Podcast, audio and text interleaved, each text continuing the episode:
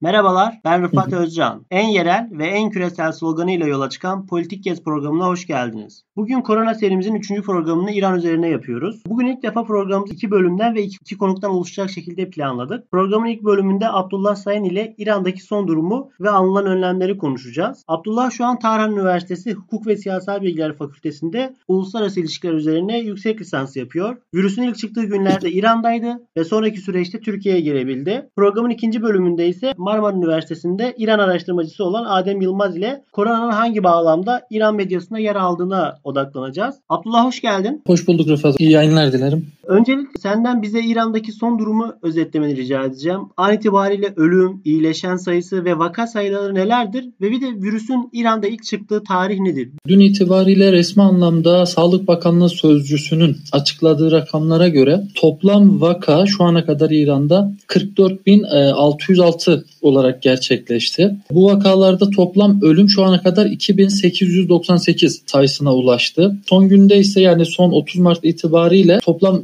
yani vakalara 3111 vaka eklendi. Ölüm sayısına ise dün itibariyle 141 ölü eklendi. Bu süreçte toplam iyileşen yani süreci başarılı bir şekilde e, geçiren ise 14.656 sayısı olarak açıklandı. Bu bahsettiğimiz toplam rakamlar İran'da virüsün resmi anlamda ilk açıklandığı tarih olan 19 Şubat'la 31 e, Mart arası diye söyleyebiliriz. Yani bu süreçte bu e, yaklaşık bu 50 günlük 51 günlük süreçte toplam bu rakamlara ulaştı İran. İlk olarak İran'ın Kum e, vilayetinde bu ölüm vakasına rastlanıldığı açıklandı 19 Şubat'ta. Peki virüs ortaya çıktıktan sonra İran devletinin aldığı önlemler nelerdi? Virüs ilk ortaya çıktığında zaten Tahran'daydım.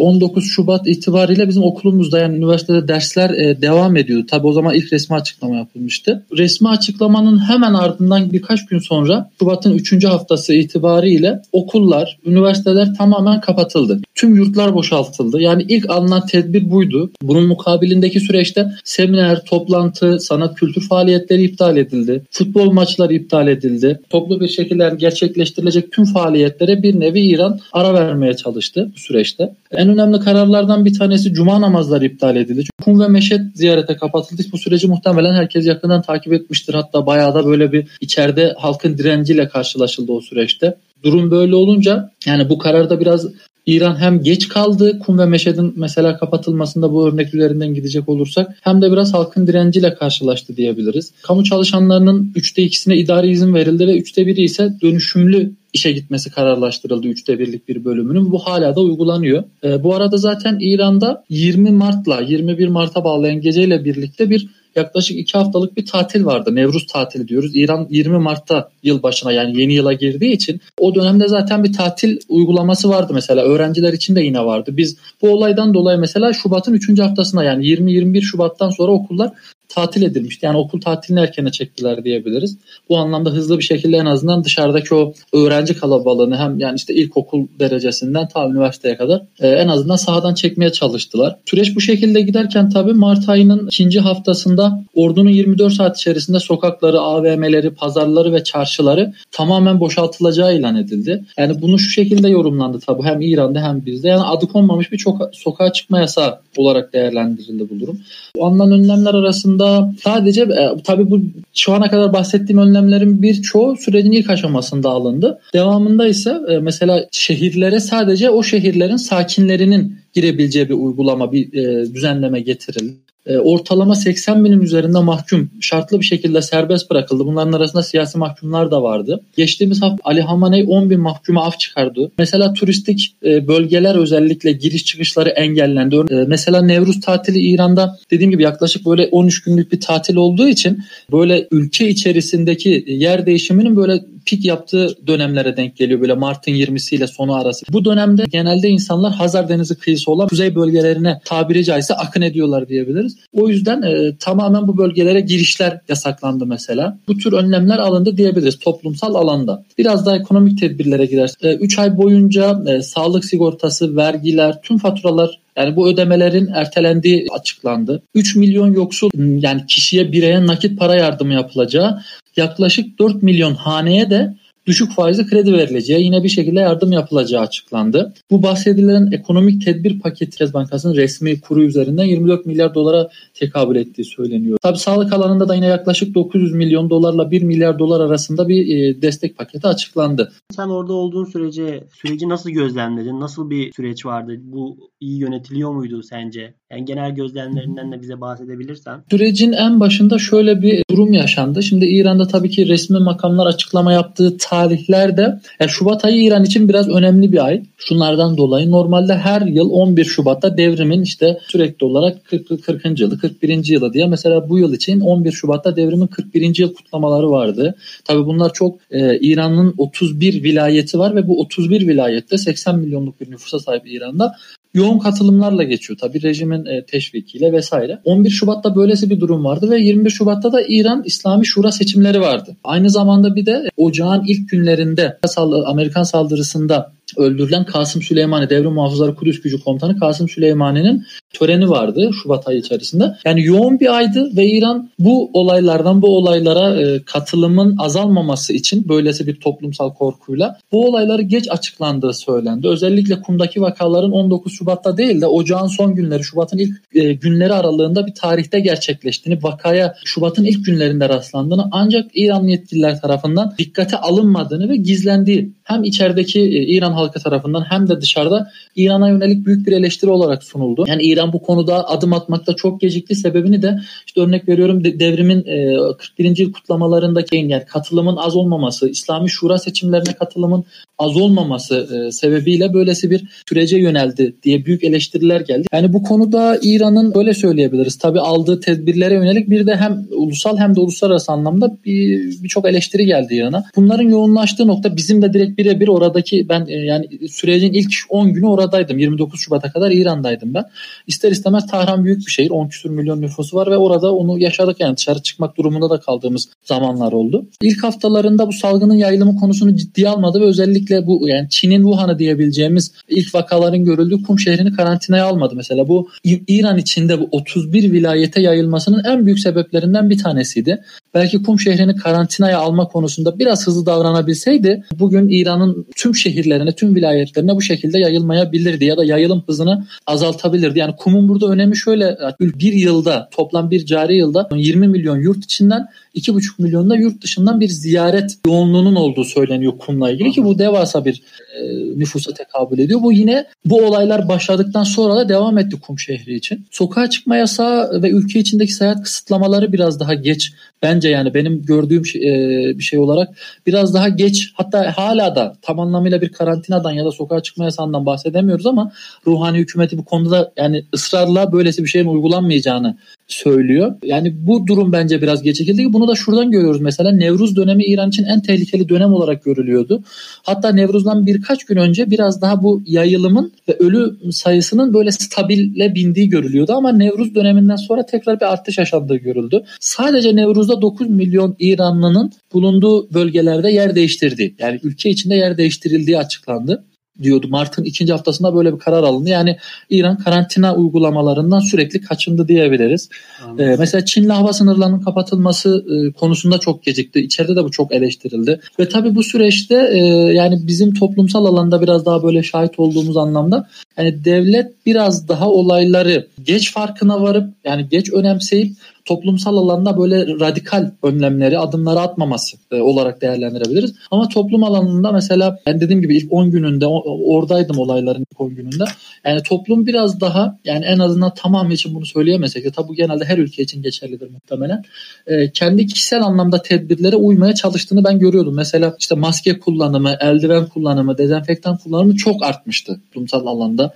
İşte metro kullanımı düşmüştü. Peki e, son sorumu sorayım bir de sana Abdullah. Türkiye'ye e, geldin sonraki süreçte. Size ne, ne tür tedbirler uygulandı Türkiye'ye gelince? Onları da bize açıklayabilir misin? Tabii ki. 29 e, Şubat'tan e, Hakkari sınır kapısından Türkiye'ye geldim. O süreçte sahra hastaneleri zaten kurulmuştu. Sınırdan geçer geçmez e, ilk önce ateşimiz ölçüldü.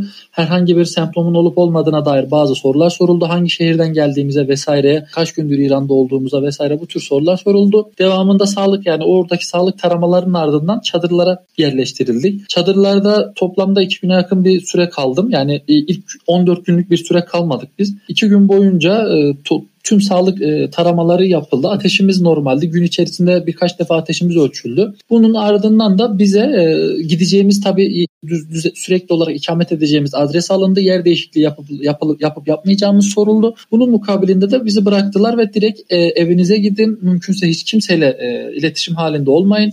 Evinizde de gerekli şu tedbirleri alın diye bir tedbir şey sıraladılar bize ve bizleri eve gönderdiler. E, devamında eve geldik ve ilk 10 3 gün boyunca ben bir gün bir gün iki güne yaklaşık sınırdaki o sahra çadırlarındaydık. Devamında eve geldim ve 12 gün boyunca e, ev evde tamamen kendimizi bir bir anlamda izolasyon uygulamaya çalıştık kendimize. Çok teşekkürler Abdullah programa katıldığın için. Rica ederim ben teşekkür ederim. Ee, şimdi bir sonraki konuğum olan Adem Yılmaz'a bağlanıyorum. Adem hoş geldin. Hoş bulduk. İyi yayınlar dilerim. Teşekkürler.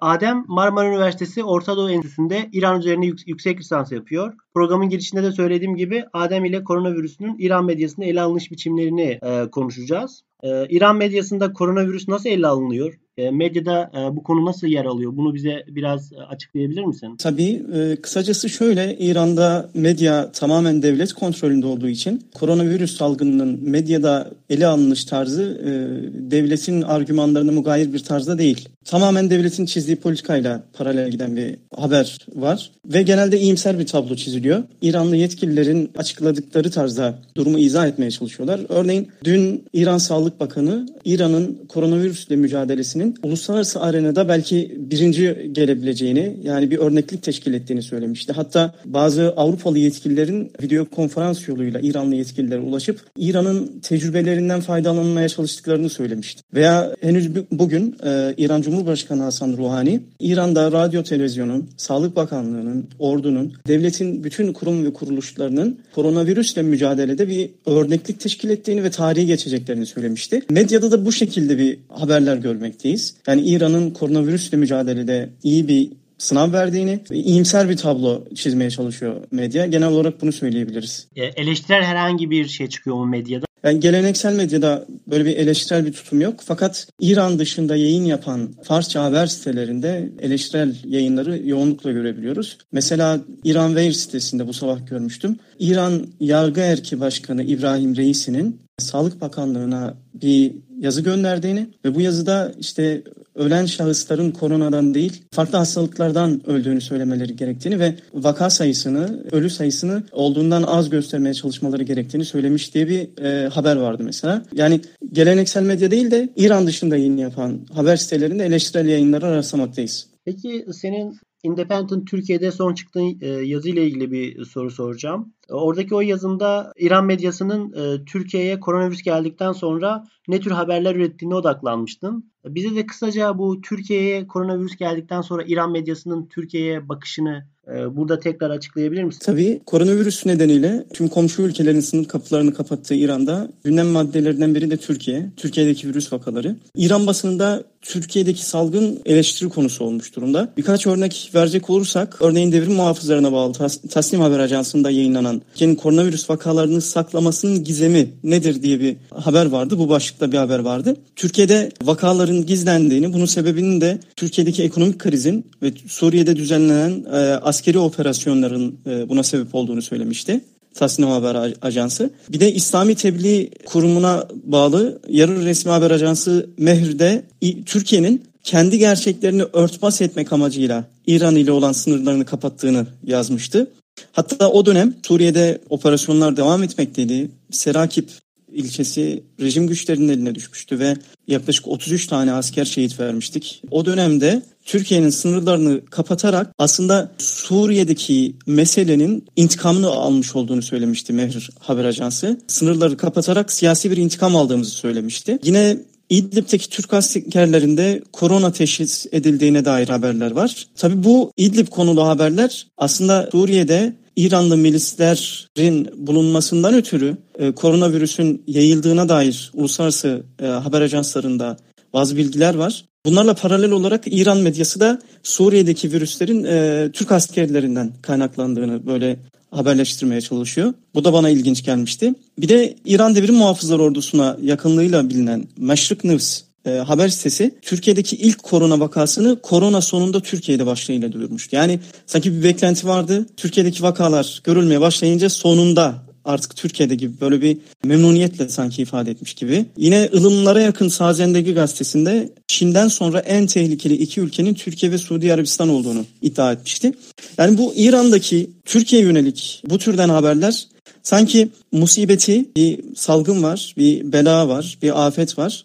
Bu afetin İran'la sınırlı olmadığını Orta Doğu'da, Türkiye gibi ülkelerde de görüldüğünü duyurup sanki içerideki kamuoyunu rahatlatmaya çalışıyorlar gibi geliyor bana. Yine yani musibet genel olunca insan psikolojik olarak rahatlıyor sanki. Salgının görüldüğü ülke sadece bir sadece biz değiliz demek istiyor sanki İran. Kamuoyunda da bunu kabullendirmek istiyor. Bir nevi teselli hali sanki. Türkiye'deki vakaların görülmesi, ölü sayısının artması İran'ı İran'daki medyayı teselli ediyor gibi. Çünkü Orta Doğu'da ilk vakalar İran'da görüldü. Şu ana kadar bilanço bakımından en riskli ülke İran ee, ve vakaların diğer ülkelerde görülen vakalar ilk vakalar Lübnan olsun, Umman olsun, Ürdün olsun İran'dan dönen yolculardan görüldüğü duyurulmuştu. Hani İran potansiyel bir ülke. Türkiye gibi komşu ülkelerde de bu vakaların görülmesi sanki rahatlatıyor gibi. Peki bir de e, bildiğimiz üzere üst düzey birçok isim İran'da öldü. Dini liderlerden, e, milletvekillerinden kişiler öldü. Bu, öncelikle bunların isimlerini bize söyleyebilir misin? Yani bunlar kim olduğundan da bahsederek ayrıca da toplumda ve medyada bu durum e, nasıl karşılandı acaba? Şöyle birçok isim hayatını kaybetti İran'da. Yani önemli bulduğum böyle e, siyasi ön plana çıkan aynen. kaç isim söylemen yeterli tabii ki. Tabii tabii. Yani birçok siyasi, askeri isim, e, birçok din adamı hayatını kaybetti. Ben ee, üç ismi önemli buluyorum. Bunlardan biri Hüseyin Şeyhülislami. Kendisi Dışişleri Bakan danışmanıydı eskiden. Yine Suriye eski büyükelçisiydi. Ve vefatından sonra e, e Hizbullah'ın kurucularından biri olduğu söylenildi. Yani bu bakımdan kritik bir isim. E, General Nasır Şabani e, hayatını kaybeden diğer bir isim. Kendisi Tahran'ın güvenliğinden sorumlu Sarallah Karargahı komutan yardımcısıydı. Bununla birlikte e, devrim muhafızları ordusunun Yemen'le ilgilenen e, belli başlı komutanlarından biriydi. Medyaya yansıyan komutanlarından biriydi. E, bir diğer isim bu general e, Esedullahi, devrim muhafızları ordusunun önemli komutanlarından biri olan Esedullahi, İran'dan Suriye'ye giden savaşçıların kayıt ve sevkiyatından sorumluydu. Suriye'de Kasım Süleymani ile beraber e, bir fotoğrafı var operasyon esnasında. Bir de bunu ekleyebilirim. Önemli e, hayatını kaybeden önemli isimlerden biri. Peki bunlar medyada nasıl bir yankı buldu? Böyle bir yaz hali mi e, ya da başka bir şekilde medyada yer aldı ya da toplumda bir galeyana neden oldu mu bunlar? Bu son söylediğim Esedullahi'nin cenaze törenine yoğun bir katılım olmuştu. Yani salgın riskine rağmen dip dibe yürüyen insanlar vardı bu cenaze merasiminde. Bu yoğun katılım ve tedbirlere uymama hali eleştiri konusu olmuştu İran'da. Peki çok teşekkür ederim madem programa konuk olduğun için. Rica ederim. Böylece, böylece İran programımızın sonuna geldik. Programın ilk bölümünde Tahran Üniversitesi'nden Abdullah Sayın ile, ikinci bölümünde ise Marmara Üniversitesi'nden Adem Yılmaz ile beraberdik. Bizi dinlediğiniz için teşekkürler. Kulağınız bizde olsun. Müzik